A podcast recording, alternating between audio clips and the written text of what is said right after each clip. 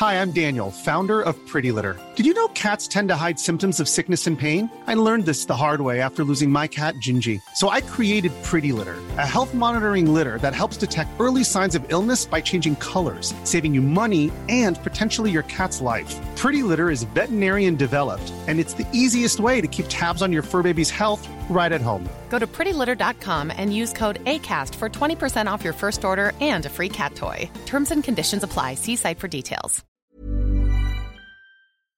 Ukas annonsør i Foreldrerådet er Ekstra. Det er grillsesong. Endelig. Alle dere som har fulgt meg gjennom en lang vinter, vet at jeg har nesten strøket med av kjedsomhet. Men nå kan vi spise ute, vi kan leve ute, vi kan henge ute, og vi kan grille. Ekstra har sitt største grillutvalg noensinne, og hør godt etter nå. Her er en del av grillutvalget deres. Habanero-pølser, salsiccia-pølser, black aged pepper-pølser, cheesy bacon-pølser, beefy burger, cheesy burger, skinny burger, big beefy gourmet-burger, fiskeburger med hvitløk, fiskeburger med baconrødbet og søtpotetburger, soppburger, barbecue grillfilet, svinenakke med oregano og tomat, urtemarinert fårefilet, brisket, eller brisket som det egentlig heter, T-bone steak, flank steak, tomahawk, laksefilet med pesto, laksefilet med sitron, scampi med hvitløk og urter, crispy fiskeburger med ost, kyllingfilet med sitron og urter, kylling overlår, gyros, kyllingspyd, smoke, barbecue, lårfilet av kylling og entrecôte. Takk for meg. Dette er bare noen av produktene i Ekstra sitt største grillutvalg noensinne, og kommer bl.a. fra Norges mest prisvinnende grillserie, Grill Perfekt.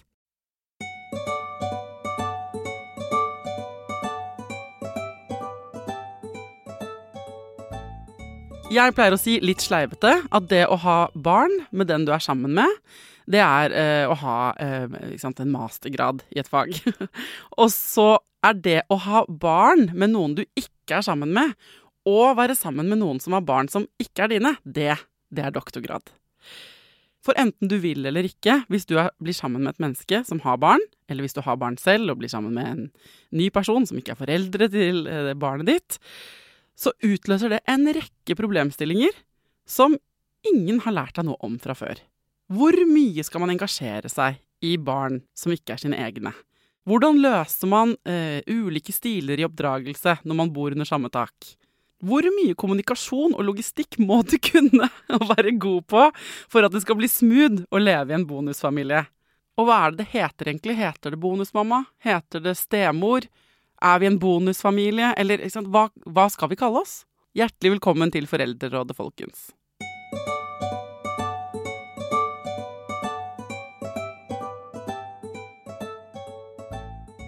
Hjertelig velkommen til Foreldrerådet, psykologspesialist Anette Øverby. Takk. Altså, nå tar jeg sats her, for du har jobbet i psykisk helsevern, i familievern, driver med parterapi. Eh, og du er eh, altså privatpraktiserende psykolog, Mhm. og eh, over snittet opptatt av stefamilier. Ja, det vil jeg si. Hvordan, bare for å liksom ta bakgrunnen først her, hvordan ble du så interessert i det? Det startet ganske tilfeldig med at jeg var eh, utvekslings... Eller jeg var student et halvår eh, under studiet mitt i USA. Og der eh, måtte jeg velge noen classes, som det vel heter. Og et av dem var ja, Step families and ja, modern families. Og så tenkte jeg aha, dette er jo interessant. Ja. Dette er liksom fremtiden, da. Dette må jeg lære noe om. Dette er komplisert. Her er det følelser og mye relasjonsgreier, og det er jo jeg interessert i. Så jeg bare hæ? Så meldte jeg meg på det. Ja. Og så syns jeg det var gøy og interessant, og særlig det med stemorrollen. For den er litt mer eh, komplikado enn eh, stefarrollen. Ok. Ok. Eh, La oss La meg få stille noen spørsmål. For du sier jo Observante lyttere, og de er veldig observante, de som hører på Foreldrerådet, Mm. de vil eh, allerede ha merket seg at du kaller det stemor og stefar og steforeldre og stefamilie. Ja. Eh, mot eh, det mer kanskje brukte i dag, bonusmor, bonusfamilie etc. Ja. Er det noen grunn til det, eller? Eh, nei, det er vel nok mest det ordet jeg har brukt fra starten av, fordi det var det etablerte da jeg begynte å interessere meg for det. Jeg er ikke helt sikker på Det er vel kanskje litt sånn fifty-fifty om det er bonus eller sted. Det selve begrepsapparatet rundt det, det er jo omtrent en egen episode i seg selv. Ja, ja, det er derfor jeg spør, for jeg lurer på om det var noe sånn bevisst Som jeg drøftet også, hva skal vi si, eller var ganske mye innpå eh, i min hovedoppgave, som jeg da også skrev om dette temaet. Ja. Eh, nå er jo det en stund siden.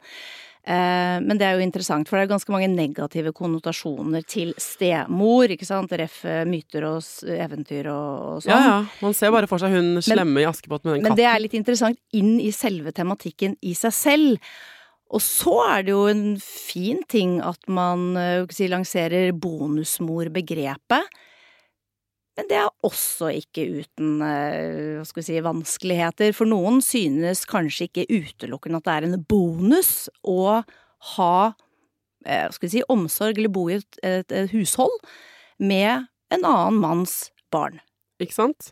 Eh, og nå er jo eh, Jeg jobber litt hardt i Foreldrerådet her, da, for at liksom alle skal, alle skal med. Så eh, her har vi jo også ikke sant, likekjønnede par, for eksempel. At man har er stemor Ja, ja, ja. for barn som, med, som er med og bor sammen med en annen kvinne. Eller Sin er, partners barn. ja, ikke sant? Mm. Sånn at bare, vi bare har fått det ut av veien. Sånn at alle Så kan, blir vi sikkert, som regel, sånn kjønns... Sånn eh, heteronormative, som det heter, Ja. eh, underveis.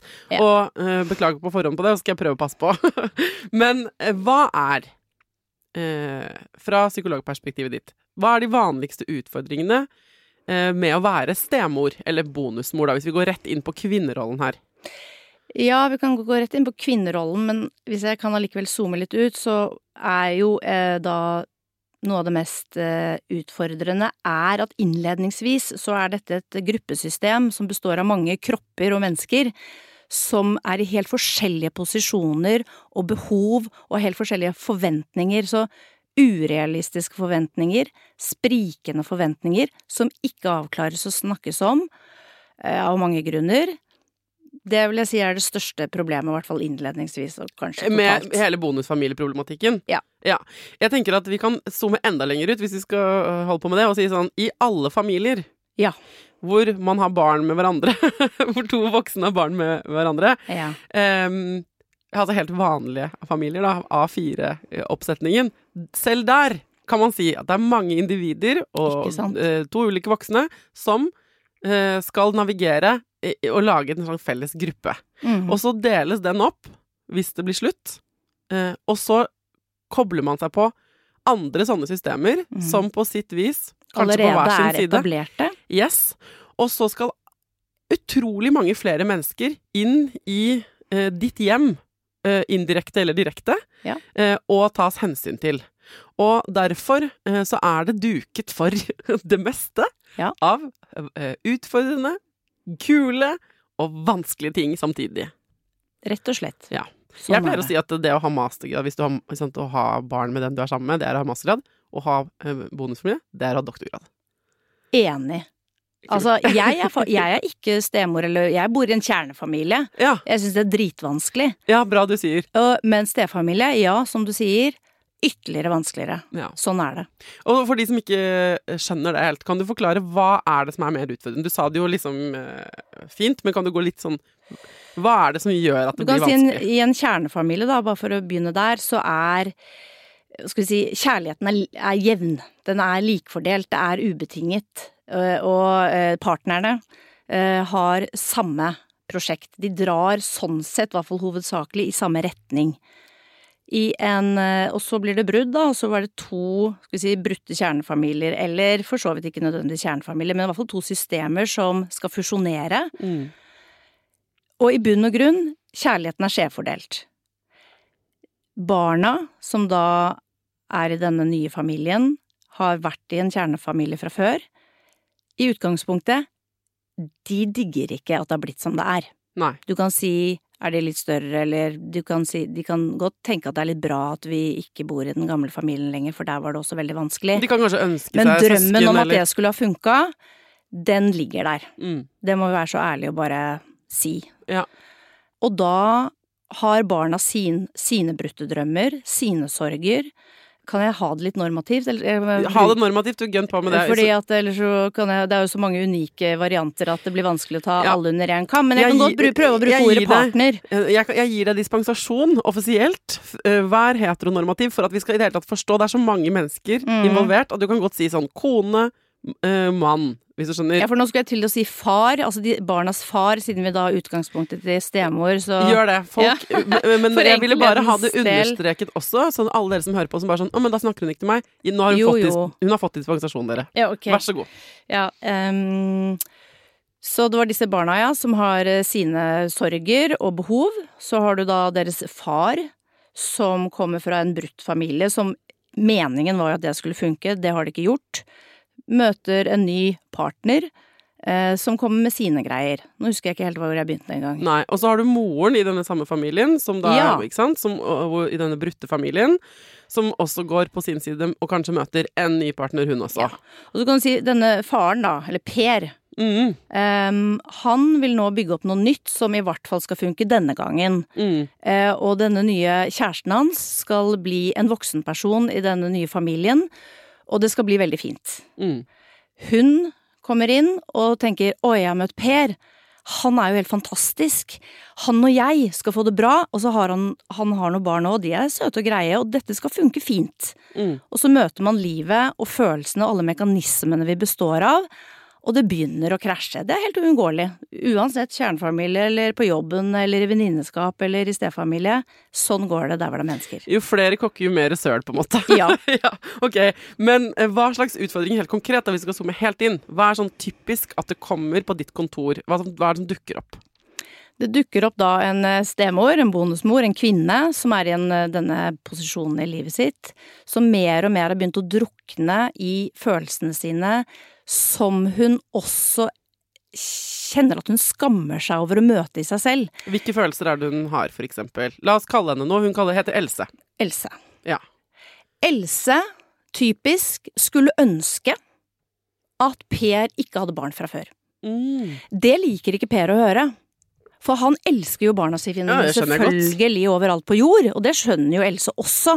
Men et lag inni henne skulle jo ønske hun møtte Per først, før han hadde andre barn, sånn at de kunne starte litt mer fra scratch enkelt. Else har ikke barn i dette tilfellet. her. Ja, nei, nå hadde ikke Else barn i Nei, dette greit. tilfellet. Da tar vi den, den varianten først. Du blir bonusmor. Nå zoomer vi inn, dere. Du blir bonusmor. Og du blir sammen med en fyr, da, i dette tilfellet, med barn fra før. Dere, eh, du har ikke barn selv. Mm, mm. Um, så hun uh, kjenner på at hun skulle ønske at Per hadde liksom At de hadde begynt på scratch eh, sammen. Mhm.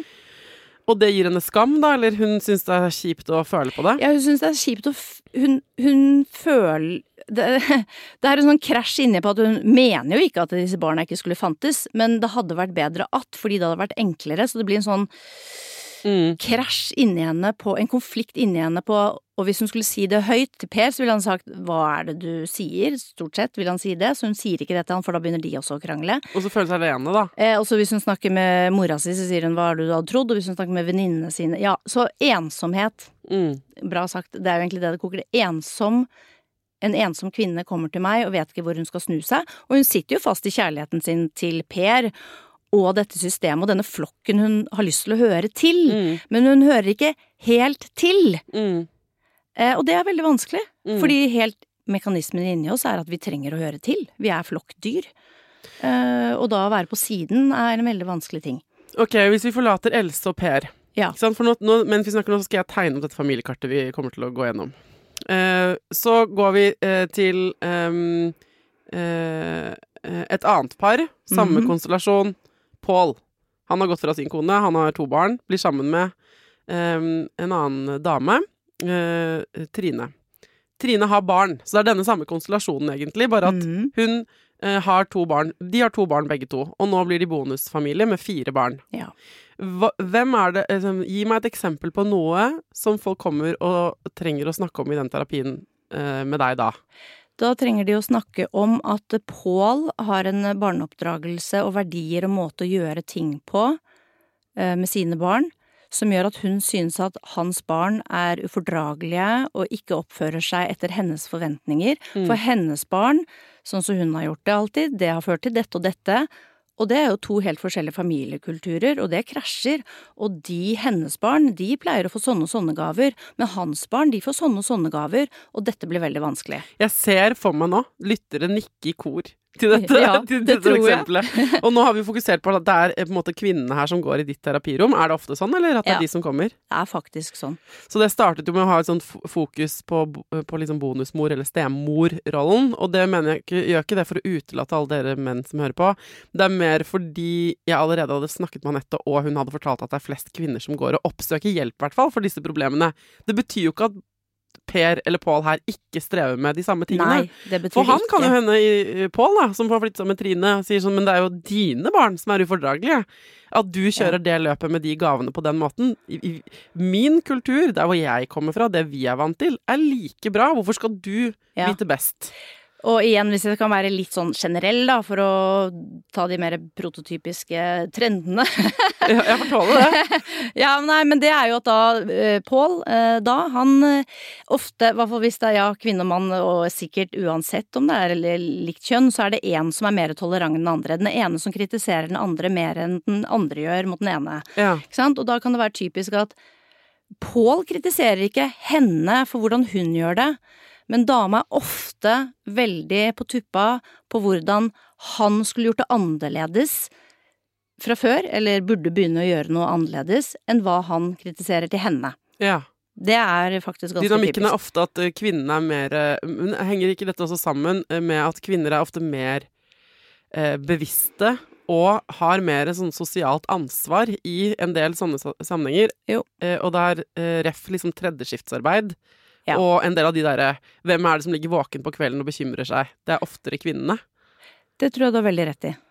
Sånn at det er ikke fordi vi er kjipere mennesker, men vi bærer mer ansvaret på skuldrene våre Ja, og og kanskje fordi at eh, skal vi si, kvinner fra, fra holdt på si, det er så gammel er jeg for så vidt, eller hjernen vår er jo flere hundre tusen år gammel, ikke sant, og er jo en relasjonell person, eller et individ, mer enn manneindividet, da. Eh, Så han er mer sånn ja, ja, nei, men det surrer og går, og det går bra, mens hun er mer, mye mer optimaliserende på det relasjonelle og flokkfunksjonen innad i huset.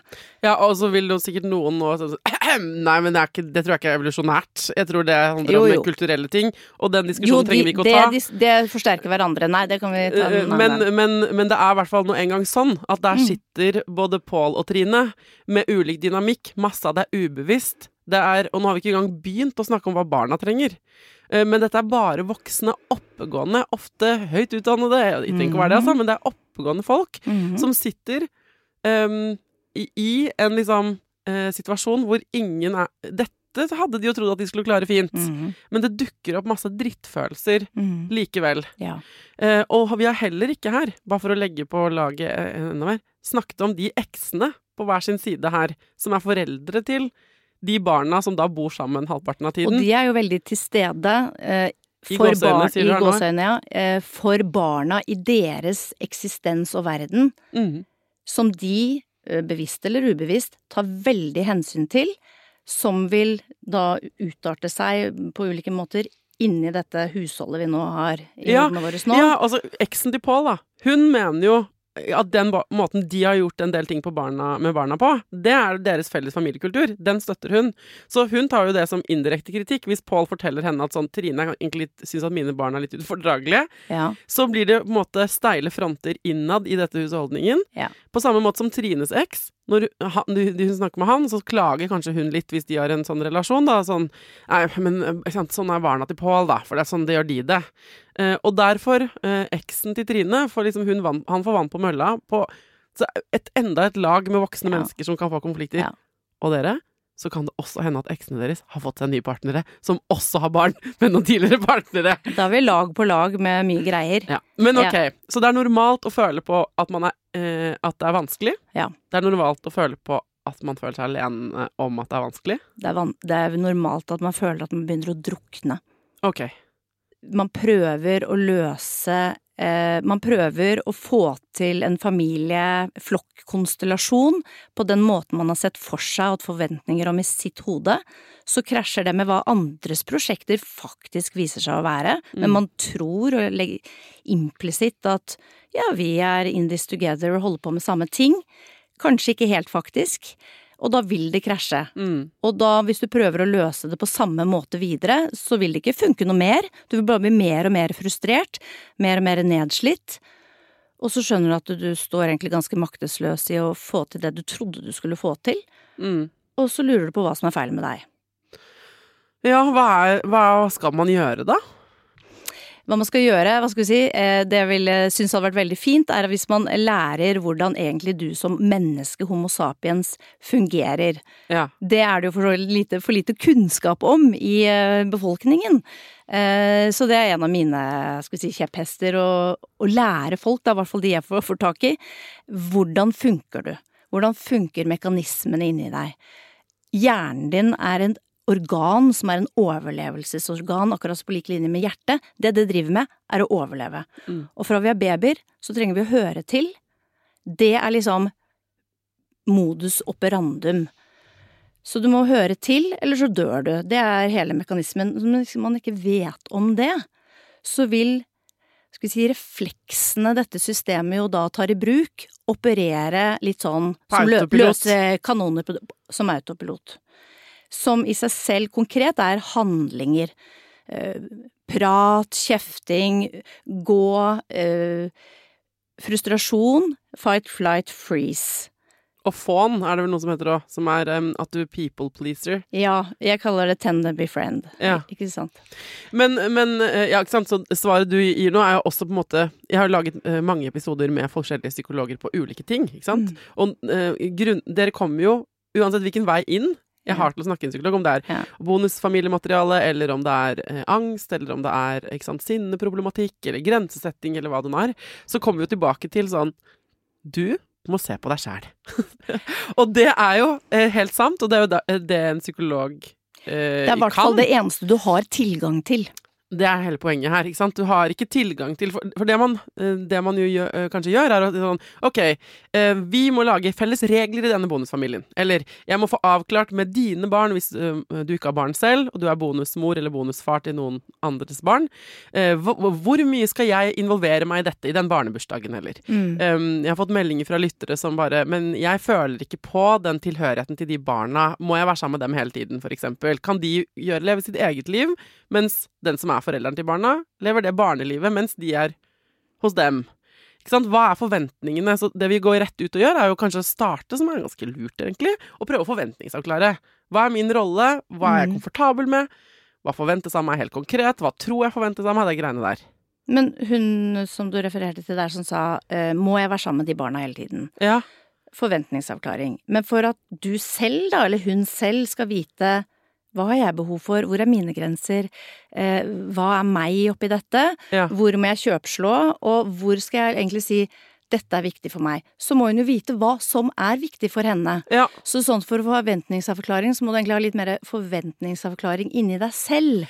Så da ville jeg sagt til henne typ da at hva vil du, hva har du behov for? Ja, nei, jeg vil ikke være sammen med de barna hele tiden. Nei, du vil ikke være sammen med de barna hele tiden, og da kjenner du på et krasj i at kanskje Pål eller hvem eller andre tenker hvem er du som ikke vil være sammen med barna? Altså, så sær du er, eller Og denne internaliserte stemmen, på en måte, er jo inni henne selv òg. Mm. Vi har på en måte mange øh, instanser, eller personer i gåsetegn, med hatter inni hodet vårt, som Ja. mener veldig forskjellige ting om samme ting. Ja, ja, ja. Så den krigen er jo litt sånn inni henne selv også.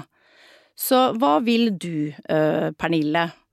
Ja, og Pernille, i dette tilfellet, hun sier sånn Nei, jeg, jeg føler at alle andre vil at vi skal gjøre masse sånne felles aktiviteter, Mm. men jeg ser at barna hans blir litt irritert over at jeg er med på lekeland. Sikkert fordi jeg ikke syns det er så fett å være på lekeland. Mm. Så hvor mye må jeg ta del i det, egentlig? Mm. Hvor mye vil du ta del i det, egentlig? Pernille sier Nei, nei jeg, hvis jeg kunne velge helt selv, så Ja. skulle jeg ønske at, han ikke, at ikke de barna bodde noe særlig hos oss, egentlig.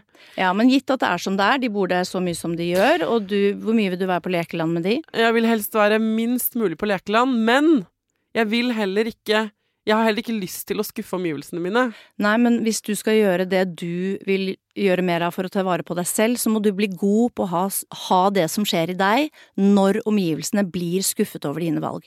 For hvis du skal ta vare på deg og gjøre mer av hvordan det er å være pernilleheten din, så må du bli god på å ha vanskelige følelser, For hvis ikke du vil ha vanskelige følelser og ikke bli god på det, og du bare spretter vekk fra det, for det er mekanismen, så må du si ja, jeg blir med på lekeland, og så kjenner du etterpå fordi akkurat da så er det sånn oi, da blir du trygg, for da er det jo ingen som er skuffa over deg, så da er du trygg, for da kan du være med i flokken.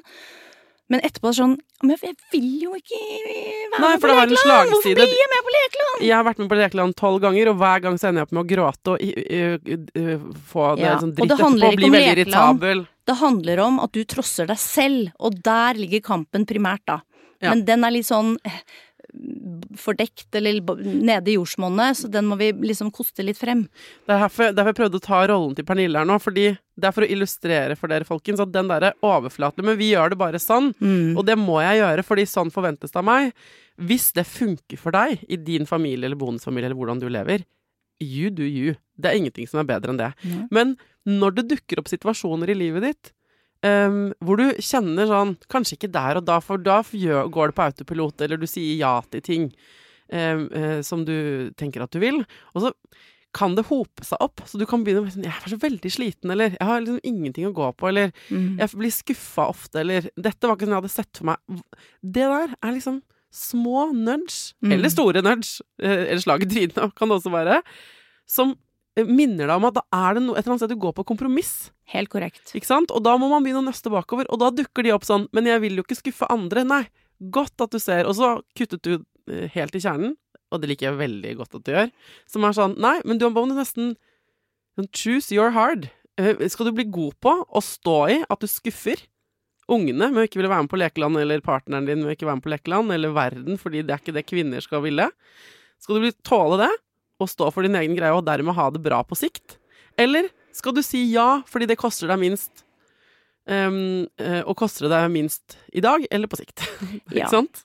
Men eh, kroppen, da, kan si den kroppen og hjernen som skal overleve, den skal ikke overleve på sikt, så den er aller mest interessert i nå. Og det er så sterke mekanismer som kjører, at selv om Pernille vet, og hun har snakket med venninnen sin, og venninnen sier men du må bare drite i hva de syns, du må bare droppe dere lekeland.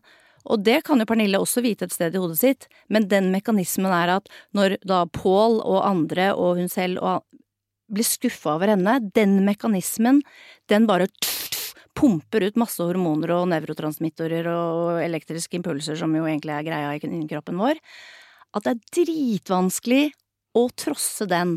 Derfor må vi bli god på å gjenkjenne den, bli god på å kjenne hvordan den kjennes ut helt fysiologisk inni kroppen, for følelser er jo fysiologiske greier. A lot can happen in the next three years. Like a chatbot may be your new best friend. But what won't change? Needing health insurance. United Healthcare Tri Term Medical Plans are available for these changing times. Underwritten by Golden Rule Insurance Company, they offer budget friendly, flexible coverage for people who are in between jobs or missed open enrollment. The plans last nearly three years in some states, with access to a nationwide network of doctors and hospitals. So, for whatever tomorrow brings, United Healthcare Tri Term Medical Plans may be for you. Learn more at uh1.com. Hey, it's Ryan Reynolds, and I'm here with Keith, co star of my upcoming film, If, only in theaters, May 17th. Do you want to tell people the big news?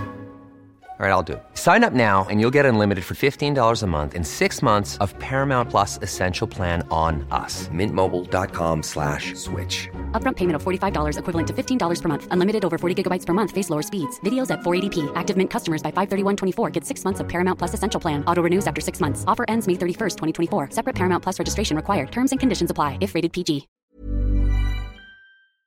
Ukas annonsør i Foreldrerådet er Nextory. Det er en lydbok- og e-bok-app. Altså, du kan både høre på bøker og lese dem på telefonen din eller nettbrettet ditt. Og akkurat nå så får du 45 dager gratis, både til deg som kanskje har prøvd Nextory før, men også til deg som er helt ny. Jeg digger at også de som har prøvd det før, får lov til å prøve igjen. For å få 45 dager gratis, gå inn på nextstory.no foreldrer. Nextory har tusenvis på tusenvis av bøker du kan lytte til eller lese. Og i dag har jeg tenkt å anbefale eh, noen bøker som eh, faller innenfor det som kanskje kalles selvhjelpsbøker. Men den kategorien har jo litt ufortjent dårlig rykte, spør du meg. Den første boka jeg vil anbefale, er boka som heter 'Psykolog med sovepose'. Johanne Refseth, som har skrevet den boka, var jo gjest her for noen uker siden. Den er absolutt verdt å lese eller lytte til.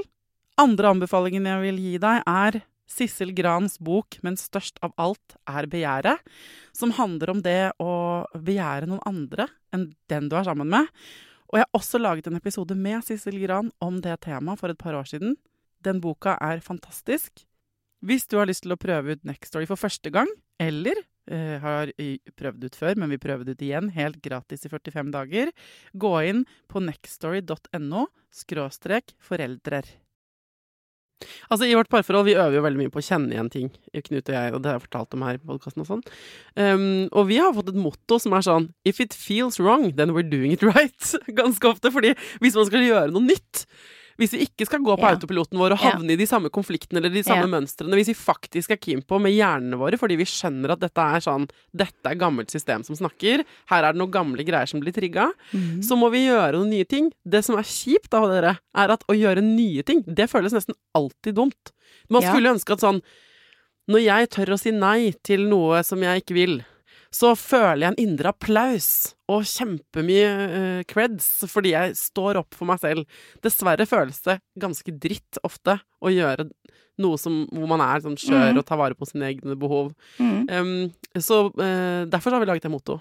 Og der, må, der kan Ja. vi prøve å være gode på å minne oss på hverandre Hjernen på det. Hjernen elsker jo å ha kontroll og oversikt, og vaner er jo en type oversikt. Så det er jo som du sier, alt nytt, da, som er, i hvert fall av hva man tenker at det er lurt, det er bra. Ja. Nytt er bra. Kunstig er bra.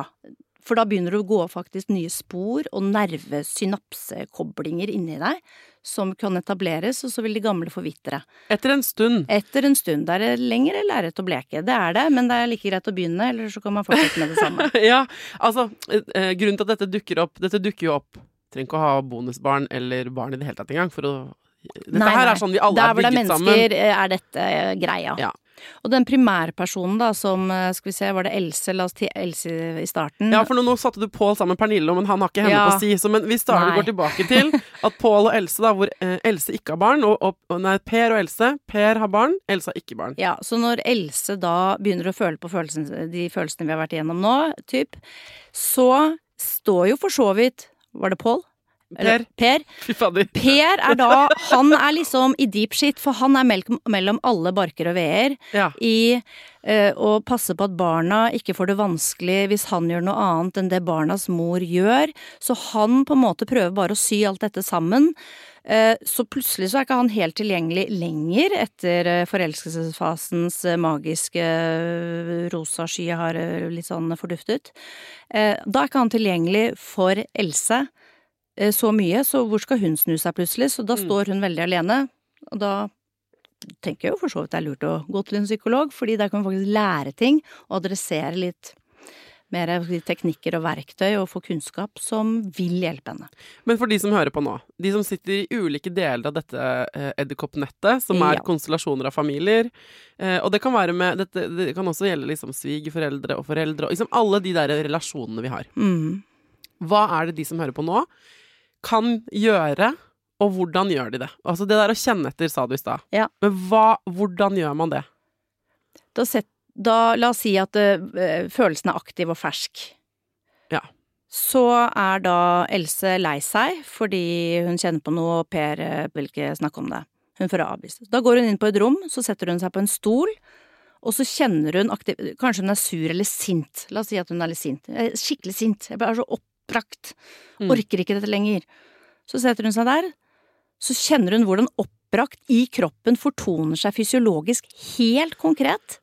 Ja. Er det i brystkassen, er det i solapleksus, plexus, er det i magen, det er ofte i overkroppen. Så sitter hun der som nesten sånn zombie, og fra halsen og ned, og akkurat vi prøver å liksom sette eh, hodet og tankene litt bort, så merker hun hvordan det kjennes ut fysiologisk. Ja, det kjennes sånn ut, ja. Det høres jo helt rart ut, men du kan si Elses problem. Hvis du skal peke på hvor problemet er med pekefingeren, så kan det jo faktisk ikke befinne seg noe annet sted enn inni kroppen hennes. Nei. Så oppmerksomheten hennes og sinnet hennes går til der hvor problemet og såret ligger. Ja. Fra biologien hennes, som da sammen med alle opplevelsene hennes som barn og ungdom og sånn, har skjedd. Og det stedet har ikke ord. Derfor så er det lurt å gå, et, gå dit egentlig litt sånn ordløst, og bare kjenne det fysisk. Ja, jeg, Da vil hun kjenne det fysisk. Helt sånn eh, nervesystemsmessig, da, autonome nervesystemet består av en aktiverende del og en nedroende del. Etter 90 sekunder da, for så vidt, hvis du er litt ute etter at man vil jo ikke sitte der og være sinna hele tiden, hvis hun kjenner på det fysisk, og bare driver med det, i dette eksempelet, tankene kommer jo ofte veldig, men nå la oss holde- gjøre det litt enkelt, Mm. kjenne, kjenne, kjenne, ja, magen kjennes sånn ut, Eh, da vil egentlig hele hjernesystemet si ja, ok, det er ikke digg, men det kjennes sånn ut, ja, Mm, mm, mm. det gjør det, ja, det gjør det, ja. Konstaterer hvordan det kjennes ut. Da vil det nedroende delen av eh, hjernen, det parasympatiske nervesystemet, tre inn, fordi den skjønner at er faktisk ikke fare på ferde, for det er det hjernen tror, hele systemet tror, så vil det nedroende systemet tre inn, da kan hun tenke klarere, da vil hun kanskje faktisk vite det jeg vil si til Pål er, så kan hun ha den aktivertheten. Hun jo kanskje liksom blir litt sånn reaktivert når hun går ut til Pål og sier det som skjer med meg er dette her, jeg har behov for dette her, hun kan stille de spørsmålene hun eventuelt har, og da vil Pål snakke med henne, for han vil snakke med en kvinne som kan stå i sitt eget liv og seg sjæl. Han, han, han klarer ikke å stå og snakke med en kvinne som er helt, eller en annen, en partner, da, som er helt i furore og fortørna og så Altså, Det går ikke. Det går ikke. Nei, men eh, så har jo Pål sitt nervesystem og Ja, sine ja. aktivatorer, så, Ja. eh, så hvem med hvilke liksom Men alle, igjen da, det er jo for at jeg skal rådgi Trine her, Ja, så nei, er det det hun Else var det! Ja. Else, og uansett Trine eller Pernille, så er det det du skal trene på for at du skal navigere bedre i eget liv, og da vil dine handlinger få bedre kvalitet, og det er du interessert i. Det er jeg enig i. Mic drop på den. Det er jo da sånn at eh, Er det ok hvis vi alle sammen da hadde gått inn i oss selv i en sånn bonusfamiliekonstellasjon, Mm. og så kommer alle ut med helt ulike behov, Mm. og så krasjer de ulike behovene, Ja. og så har vi masse unger i den Mhm. samme konstellasjonen her, Ja. og så har de ulike behov, og vi har ansvar for en del av de, behovene, hvis barna er små i hvert fall. Ja. Så hvordan skal man da få inngått eh, kompromisser hvor alle får dekket sine behov tilstrekkelig? Men jeg holdt på å si spørsmålet ditt er feil. For, okay. det, for det går ikke an å trylle. Det går ikke an at ulike behov blir samme behov. Nei. Og der er litt av eh, skal vi si, samfunnsetablerte eller tankegangen vår om at hva er det vi skal drive med her? Vi må få dette til å synkroniseres. Og langt på vei, det går ikke. Nei. Men du kan leve mye bedre i et system hvor du anerkjenner ulike behov. Vi ser hva vi får til, men eh, det er veldig mye ulike behov. Hvordan skal jeg ta vare på meg selv så mye som mulig, og så må du kjøpslå med livet, i det systemet og det landet jeg bor i, da, i gåsetegn, hvor det er ulike behov. Mm. Sånn er det. Mange av de tingene vi nå er inne på, handler jo om kan alle, uansett om du har bonusbarn eller ikke, forholde seg til. Og min søster sier det så klokt. Hun bare En av de største fiendene i livet, det er forventningene mine. Ja, Og hvordan kan man deale med at man har sett for seg noe, eh, og så øh, øh, blir det ikke sånn? Altså, hvis jeg setter meg ned og tenker på sånn Sånn hadde jeg sett for meg at denne dagen skulle bli, denne morgenen skulle bli, hjemme hos oss, og så blir den ikke sånn, så kan jeg bli kjempelei meg. Ja. Og så kan jeg kanskje være klok nok til å spotte at å ja, jeg ble så lei meg fordi jeg hadde noen forventninger til noe annet. Og så mm. kan jeg kanskje til og med få til, hvis jeg har tid og energi inni meg, til å tenke sånn ja, men da ble forventningene mine brutt. Det var ikke noe særlig. Det er ikke rart jeg blir litt lei meg da. Og så popper de forventningene opp ubevisst 30 sekunder etterpå til noe annet. Mm. Hvordan skal man forholde seg til er forventninger en god ting? Går det an å ha det bra i et liv hvor man har forventninger om ting? ja men det er god, godt, god, god, om det er god eller bra, forventninger godt eller bra, det, eller dårlig, det er, veksler jo. Men vi har forventninger, det er sant. Men da vite etter hvert hva slags forventninger har jeg til dette? Ofte er det jo sånn, man har jo ubevisst egentlig bare forventninger, så etterpå så ble det ikke sånn, og så er jeg skuffa. Ja. Da kan man i hvert fall i retrospekt hvilke forventninger hadde jeg, forventninger om det og det og det. Eh, Sånn har det jo ikke blitt. Oi. Og da har jeg blitt lei meg og skuffa og har masse vanskelige, sårbare følelser. Ja. Men hvis man da for så vidt blir helt jeg håper jeg at vi sier litt sånn autistisk, på en bra måte. Hva er sant? Er det den filmen og forventningen jeg hadde i hodet mitt som er det reelle, eller er det livet som har utspilt seg som er det reelle? Hva skal jeg forholde meg til nå? Noen ganger så kan jeg like bedre å tenke på ferien jeg skal på, enn å faktisk være Ja, på den ferien. Riktig. Skal jeg da slutte å kose meg med de tankene? Eh, eh, eh, altså, Det hvordan- kommer du det ikke til, tror jeg. Nei. Du kommer jo alltid til, og det er en mekanisme i det at du, du hå- håpet og hvordan det skal bli og sånn, det er jo en del av drivkraften vår, og Mm. det, jeg på å si, det er bra, eller det jeg egentlig mye sier, er jo bare, jeg bare beskriver hvordan det er, hvordan vi er, hva som skjer, Mm. uh, uten å prøve å få noe til som ikke går an til å gå an, for det er jo der vi blir frustrerte som møll som hele tiden om igjen og om igjen flyr mot den eh, lampeposten og, og blir brent, og så å nei, og så gjør vi det Ja, ja, igjen. godt så, bilde. så la oss eh, lære noe lurere av Men det er alltid mye å lære av. Og du vil aldri komme unna at hvis jeg skal ta vare på en, i hvert fall en del, så det blir balansert for meg selv, en del av mine behov, så kommer du ikke unna at da vil du få vanskelige følelser, for det er en del av mekanismen, og sånn er det. Så hvis vi blir gode på å være redd god, Jo, Ja. hvis vi blir gode på å redd, være redd, så blir vi ganske frie til å gjøre eh, det vi trenger, eller det vi har lyst til å prøve ut. Mm. Og, og i en stefamilie, kommer jeg på nå, barna da i en stefamilie, de elsker hvis denne Else er seg selv. Ikke liksom prøve på så mye, det er jo selvfølgelig veldig naturlig det òg, men bare for å Hun blir ikke med på Ballan, holdt jeg på å si, hva heter det? Som uh, ny kjede. Ballan. Ballan, som jeg mener at det burde hett. Ballan. Balland. Balland. Eh, ja. eh, Hun blir ikke med på Ballan, for hun hater Ballan. Ja. Så hun blir ikke med, og det Og da, får barna beskjed om. Det Og da, syns de er helt greit, for etter hvert så lærer de Else å kjenne at ja, Else sier ja når hun vil, og nei når hun ikke vil, og, og det er veldig greit. En som tar vare på seg selv, så slipper i hvert fall vi å gjøre det også, for Ja, gjør du nok med mamma og pappa. Ha, det er ingen som vil ha med seg en sur uh, uh, Else eller Pernille eller hvem det er, Som er et offer i eget liv. Ja. Nei. Vi har også en annen setning i vårt parforhold som, uh, som ikke, ikke bare when, If it feels wrong, then we're doing it right. Men også det der med at eh, vi kan stille hverandre spørsmålet men, um, Hvilket kompromiss er det ingen har bedt om som du driver og inngår nå? Mm. For vi, og det å få øye på i sitt eget liv Hvilke kompromisser er det jeg inngår som Ja. ingen har bedt meg om? Har de faktisk bedt meg om det? Eller er det inni hodet mitt? Ikke sant? Så, eh, det, jeg Det er jo fort gjort å projisere det ut og ikke vite at det er meg selv, så det er, godt, det er jo et godt stykke arbeid litt til å komme til nesten der hvor Ja. du sier nå, Thea.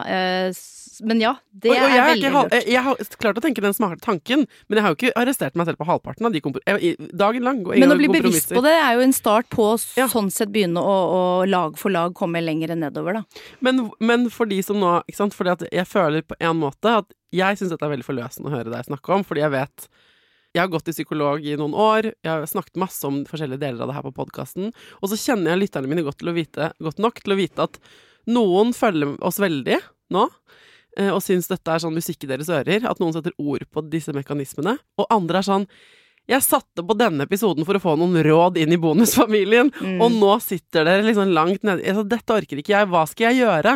Jeg orker ikke eksen min som blander seg i forholdet, eller jeg orker ikke dama mi som uh, krangler med meg hele tiden. Men spørsmålet legger til grunn at det finnes noe du kan gjøre sånn at det blir bra. Ja, og da er svaret til Anette Kjenn Hva er det du vil?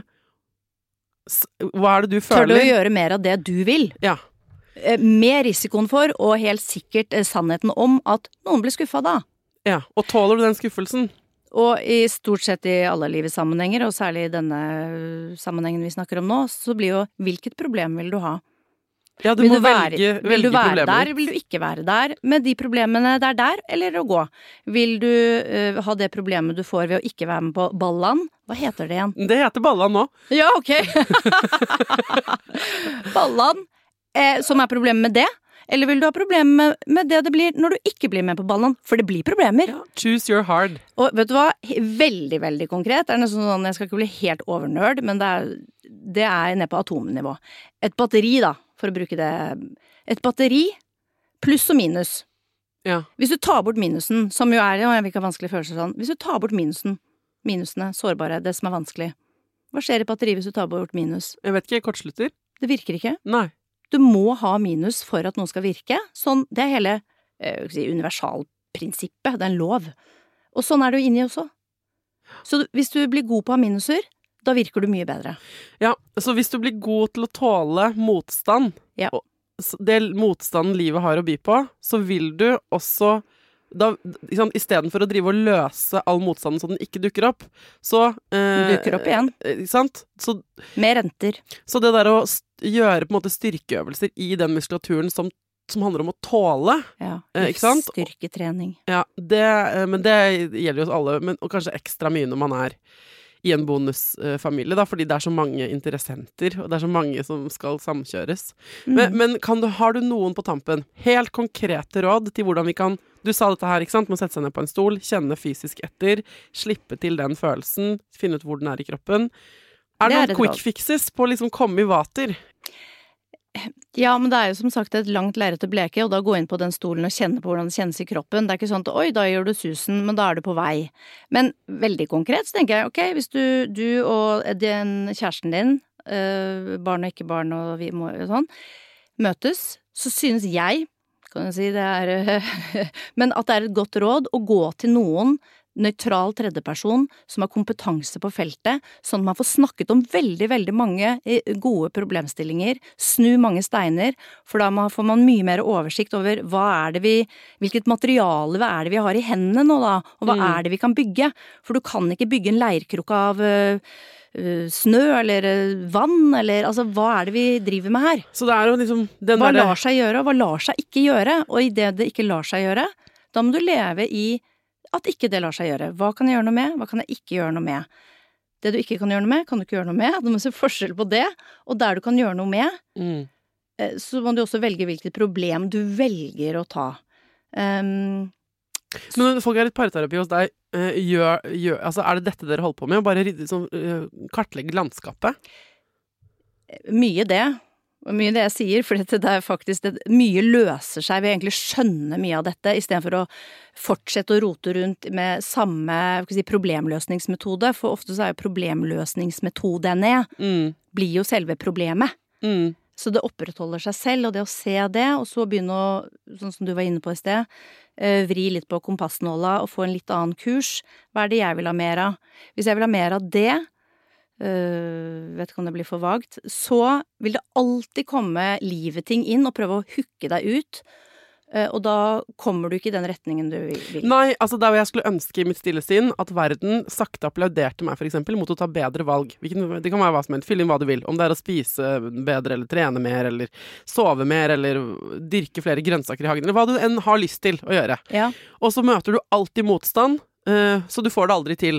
Så er, eh, Der hvor man skulle ønske at når, du først tok de valgene som var bra for deg, som du ville og som var bra for deg, altså skulle man jo ønske at det føltes dritbra. At det umiddelbart var en respons, en endorfin-rush, en rus i kroppen. Det er jo da, på grunn av den litt dumme hjernen, ikke sånn. For hvis du ikke har gjort de tingene før, så sier han sånn Åh, alarm! Dette er skummelt! Dette burde du ikke gjøre! Her er ti grunner til at du ikke burde trene! Her er ti grunner til du burde kjenne på skyldfølelse hvis du tråkker opp. Det er For hjernen vil jo bare ha meg eh, heller eh, trygg og dritt, sånn som jeg har hatt det før, enn Mm. eh, potensielt utrygt eh, og nytt, liksom. Ja, da altså jeg skulle komme på podkasten her nå i dag, så vet jo jeg at jeg ikke dør av det. Men Så det vet jeg i én del av hjernen min, men den andre reddhetsdelen av hjernen min var bare sånn Shit, dette er nytt! Tenk om jeg bare babler og snakker og ingen skjønner noen ting og jeg driter meg ut. Det er jo reddhetshjernen min sitt, eh, hva skal vi si, språk. Ja. Og den er alltid den er en blodhund etter hva som er truende, så den blir mye mer opptatt av det enn at dette vil jo gå veldig bra, jeg kommer til å synes det er gøy, og etterpå blir jeg veldig stolt av meg selv. Ja, det er lurt å snakke om dette, for dette trenger folk å høre, og Ja, alle de tingene Ja. Det vet jeg jo der, men den reddheten står jo bare og pumper. Ja. Så sånn er det. Og hvis, øh, hvis Else da vil lage grønnsakshage i hagen, så går hun og gjør det, og så sier hun til Pål at hun gjør det, og så vil Pål si nei, det syns ikke jeg er noe god idé, og så gjør Else det allikevel, med det lille relasjonsbruddet eller ikke-applausen fra Pål, og da vil hun få en forsterkning inni seg selv på at å, etterpå, sånn som du er inne på, da vil hun komme fy nå gjorde jeg dette, for jeg vil det. Ja. Og det i seg selv er applaus nok inni henne. Mm, men man kan også få den slagsiden som er sånn mm, Ok, eh, så vi skal bare alle være mer ego, da, eller? Eh, nei, Vi skal ikke bare det eller bare det, men vi skal, vi skal ta mer hensyn til oss selv. Ja, det skal Ja. vi. Fordi vi er flokkdyr, som sagt, og vi er rettet mot hva er det andres blikk på meg er. Det er veldig sånn automatpilot. Og den råder så mye at vi glemmer vår egen plakat. Mm. Bare sånn, hva syns andre om meg nå, hva tenker de nå? Hjernen vår er veldig innstilt på det. På veldig utrolig mange lurebra måter, så det er ikke ja eller nei eller enten eller. Eh, men da glemmer man på en måte å kjenne etter jeg, jeg kan faktisk gjøre dette her, jeg nå, uten at det er hensynsløshet. Mm. Det er bare at man lager grønnsaksager med en bismak. Mener? Man skulle jo ønske at det bare føltes dritbra å gjøre Ja, sine egne ting, men man må akseptere mye. den eh, bismaken, da. Men um, til deg som hører på, gratulerer hvis du har fulgt oss i alle disse krumspringene. Det må jeg bare si, for dette her er litt sånn level up. Mm. Eh, absolutt. Og så tenker jeg at, og hvis du sitter og tenker sånn, vet du hva, dette ble litt for litt konkret, eller jeg har noen, helt, eh, jeg har noen spørsmål fra min egen hverdag som jeg gjerne skulle hatt tilgang på en privatpsykolog som Anette for å kunne svare på. Eller eh, har, mitt problem er ikke meg selv og mine egne behov, jeg vet hva jeg vil. Problemet mitt er alle andre som ikke hører, eh, som ikke hører etter. Um, uh, for jeg kan høre for meg nemlig at dere har noen sånne greier. Ja, men greier. sånn er det jo. Det syns jo jeg i mitt eget liv også, på en måte. ja, men da er forslaget mitt til deg Send det spørsmålet hit. Send det til meg på Instagram, på Foreldrerådet-kontoen. Og så inviterer jeg har jeg lyst til å booke deg inn allerede, Anette, til en runde til, hvor folks spørsmål Mm. konkret skal være eh, det vi bruker. Ja. Så får du eksemplifisert, for nå ga Ja, oss for det en grunnpakke lettere, her. det er lettere å svare på et konkret Mm.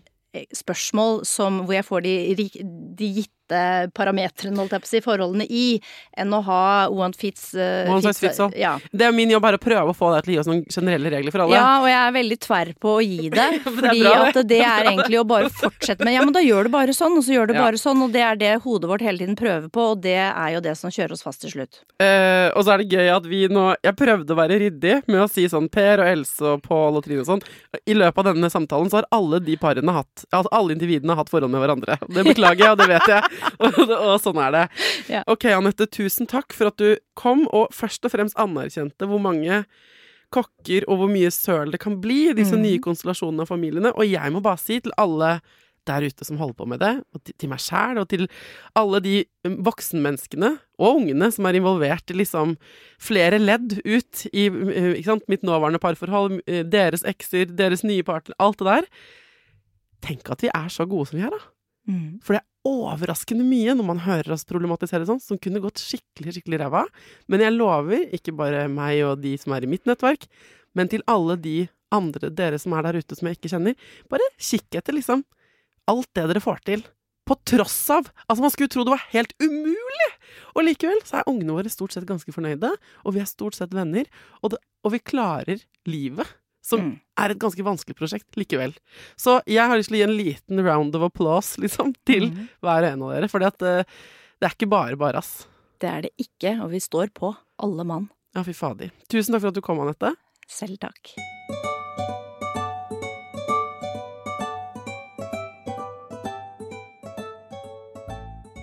Jeg har på følelsen at det fortsatt er mange ubesvarte spørsmål og meninger der ute om hele dette sirkuset som er en bonusfamilie eller en stefamilie. Det er så mye dynamikk å ta tak i. Det er så mange forskjellige situasjoner. Jeg vil gjerne snakke mer om det. Jeg lever jo i en bonushverdag selv. Så ikke nøl med å sende meg eh, dine innspill, dine erfaringer, dine spørsmål. Har du eh, til og med kanskje forslag til en ekspert du vil høre fra, send det til meg på Instagram, på Foreldrerådet der. Eh, fordi jeg vil gjerne lage en hel serie om dette. Det er mange av oss som trenger råd og veiledning, og bare snakke om det, egentlig. Og nå på tampen så kan jeg også si at en av tingene som er vanskelig for meg eh, med å leve i en sånn bonusfamiliesituasjon, er at jeg jo ikke har lyst til å utlevere barn som ikke er mine, ikke mitt eget heller, egentlig. Men i hvert fall ikke barna jeg ikke har født. Eh, I denne podkasten, ikke sant? Hvordan, ha, hvordan har du en foreldrepodkast som handler mye om ditt eget liv, eh, uten å snakke om ditt eget liv sånn at barna får beholde sin anonymitet eller sitt personvern? Det kunne jeg trengt en veldig spesialisert episode om. Neida. Men hvis du stusset litt over at jeg ikke bruker meg selv like aktivt om mine egne eksempler, så er det rett og slett av hensyn til eh, eh, den utvidede familien. Ikke sant? For jeg har jo et ansvar for å være eh, en eh, bra person og wingman, ikke bare for min kjæreste eller far til mitt barn, som er to forskjellige menn, men også for deres eh, kjærester og ekser, og unger jeg er i kontakt med. Så ja, eh, derfor eh, så ligger jeg litt lavt med eksempler fra eget liv akkurat når det gjelder det. Takk for at dere hører på og engasjerer dere i denne podkasten. Takk for at dere vokser i takt med meg, og at ungene deres, ikke sant Jeg får meldinger fra flere av dere som kanskje begynte å høre på Foreldrerådet for flere år siden, da dere hadde en nyfødt baby, og som nå står i helt annen problematikk. Ikke sant? Det er så hyggelig. Jeg føler virkelig at vi er en gjeng. Jeg syns det er deilig å ha et fora hvor vi kan lære sammen og i takt, og ikke trenger å være perfekte fra start, for at det er umulig. Så takk for at uh, dere hører på, altså. Um, til neste gang, ta vare på deg sjæl, ta vare på ungen din, og lykke til.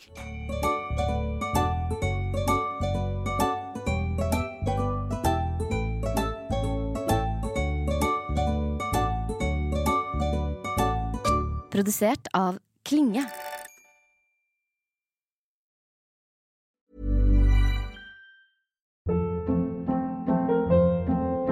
Hold up. What was that? Boring. No flavor. That was as bad as those leftovers you ate all week. Kiki Palmer here, and it's time to say hello to something fresh and guilt-free. Hello Fresh. Jazz up dinner with pecan-crusted chicken or garlic butter shrimp scampi. Now that's music to my mouth. Hello Fresh. Let's get this dinner party started. Discover all the delicious possibilities at hellofresh.com.